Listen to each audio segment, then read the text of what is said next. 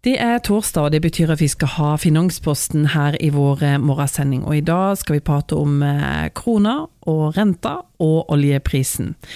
Og eh, Morten Haraldsen fra DNB, vi skal snakke litt om krona aller først. Hvis vi skal kjøpe en euro, så koster den nå igjen over ti kroner. Hvorfor svekkes krona nå? Ehm, det stemmer. Han, han svekkes nå i, i det korte, korte bildet. Eh, vi må jo først si noe om at 2019 eh, var jo et turbulent år for eh, kronekursen. Men så fikk vi da en desembereffekt ved at krona styrka seg kraftig. Og da var det jo spesielt én hendelse som, som, gjorde at vi igjen fikk på en måte et marked som gikk litt risk on igjen. Dvs. Si at utlendingene og investorene igjen kjøpte krona. Det var jo det at USA og Kina ble enige om første fase i handelsavtalen, denne fase 1-avtalen som veldig mange hadde venta på. Den ble jo eh, vedtatt og skrevet under, og, og dermed så, så, eh, så styrka krona seg på slutten av året. Men så var det jo ikke før nytt, nyttårsrakettene var, var, eh, skutt opp, så, så, ble det jo en, eh, et attentat nede i Iran. En eh, general Sulamani som, som ble tatt av dage av amerikanerne. Og da førte det igjen til at det ble en sånn, sånn fryktbilde som tok seg opp, og, og krona begynte å svekke seg. Og så roer jo det seg litt ned igjen. Iran gjengjeldte jo på noe mildere enn hva man kanskje hadde frykta. Eh, mens nå eh, så er det en ny nedtur for krona, og det er jo dette koronaviruset som, som får mye fokus. Um, finansmarkedene de er jo sånn bygd sammen at de, de liker ikke frykt. De, liker, de, agerer veldig mye på hva som kan skje i framtiden. Og da er det sånn at rentemarkedet, aksjemarkedet og valutamarkedet de frykter jo da dette koronaviruset. Eh, ikke epidemien i seg sjøl, men hvilken ringvirkninger den kan få på økonomien. Eh, og egentlig så er det enkelt fortalt det at eh, markedene frykter det at meg og de skal kjøpe mindre når det er frykt der ute for, for smitte og den type ting, som gjør at da bedrifter igjen produserer mindre, og vi får da såkalt tilbakeslag i økonomien. Og det liker ikke finansmarkedene. Og dermed så selges krona ned, for den er spekulativ. Eh, og da kjøper heller investorene som er i valutamarkedet, de kjøper heller sveitserfrangen, japansk yen og, og dollar. Men du, eh, dere i eh, DNB, dere har, eh, eller DNB Markets, dere har sluppet en halvårsrapport for første halvår. og I denne så forteller dere litt om spådommene for året. Kan du si litt om hva det står? Det kan vi. Den er jo på 66 sider, så hvis vi skal ta, ta alle momentene her og nå, så, så, blir vi sittende en stund. Men hvis vi drar sånn korte bilder over globalt, og, og kanskje trekker de hjem her til Norge til slutten, så mener vi at vi, vi har på en måte gått over eh, mye som er, som er interessant for, for, oss og for lytterne. Eh, men vi forventer da en global vekst som er noe ned fra 2019-nivåer. Altså fra ned fra 3, 3 til røftlig nå 2,9 for, for inneværende år. Og Det befester jo egentlig den trenden vi har sett de siste par årene, ved at den økonomiske høykonjunkturen, altså den, den festen vi har hatt i økonomien, den er på en måte på hell. Vi er på vei over i, i nachspielet, og, og eh, du kan si det sånn at veksten avtar noe. Eh, men det blir på en måte ingen noen, eh, det blir ikke noen ny hard landing. Eh, for det er rett og slett at igjen meg og deg, altså husholdningene i de rike økonomiene, de, de, vil fortsette å levere gode, solide bidrag inn i, i veksten. Altså vi, vi, kommer til å shoppe, vi kommer til å, å føre til at handelsstand holder seg, og at vi kjøper varer og tjenester videre. Um, og det, den andre momentet som er viktig for økonomien, det er jo inflasjonen, uh, altså prisveksten. Og så, så, lenge den holder seg på en måte under uh, det som sentralbanken har uttalt som sine mål, så tror vi også at det kommer til å skje lite med rentene, som jo regulerer hva vi betaler for lån, lånene våre.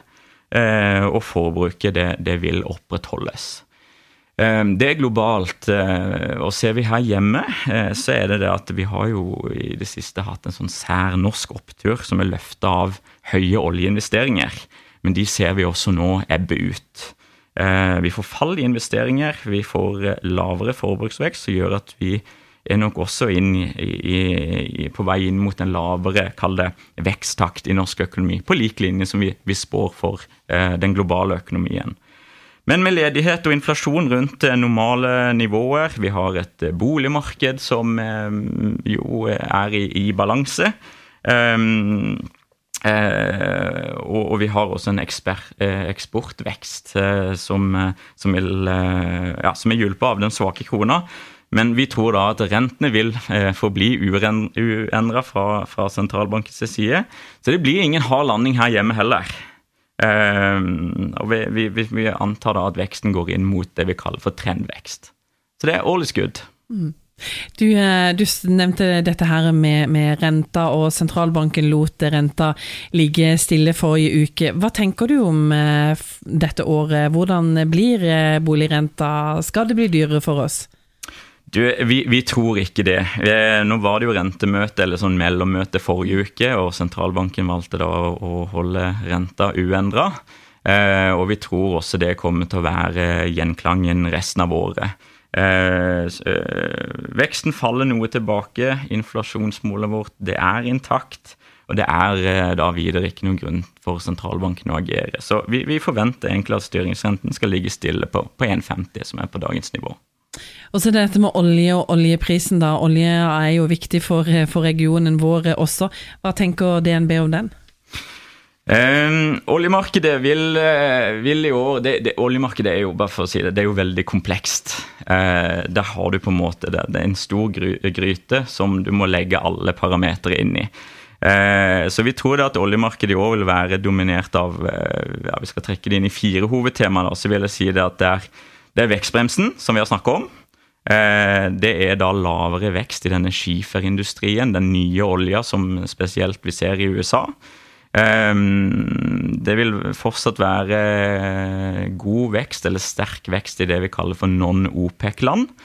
Um, og så er det jo det at det er veldig høy politisk uro der ute, og alt dette spiller inn på oljeprisen. Men det som er at alle de tingene som jeg nevnte nå, de er jo egentlig motstridende. Det er noen plusser og noen minuser.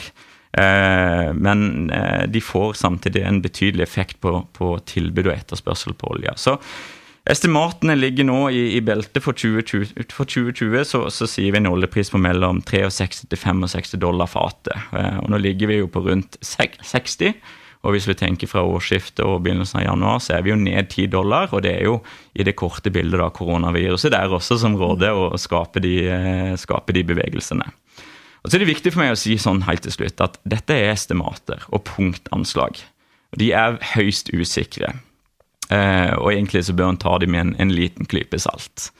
Eh, personlig så mener jeg at det, det er mer eh, fornuftig å, å, fokusere på utfallsrommet. Så er man i tvil om man skal agere på noe innenfor de tingene som vi har snakket om, så ta kontakt med, med banken din for å ta en, en grundigere gjennomgang.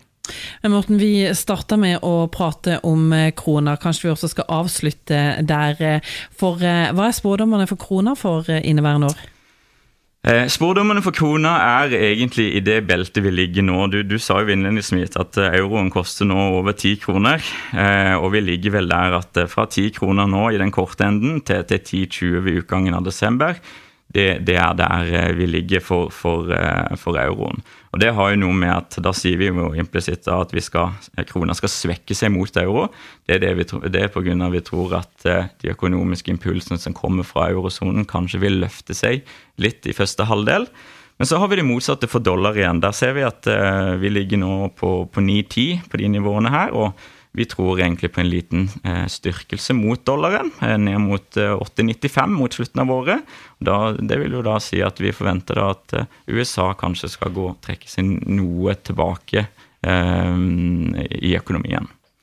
Eh, men igjen, dette er punktanslag, så må man ta det med en klype salt. Og det viktigste for bedrifter og næringslivet det er jo at de sikrer seg mot svingningene i valutakursen.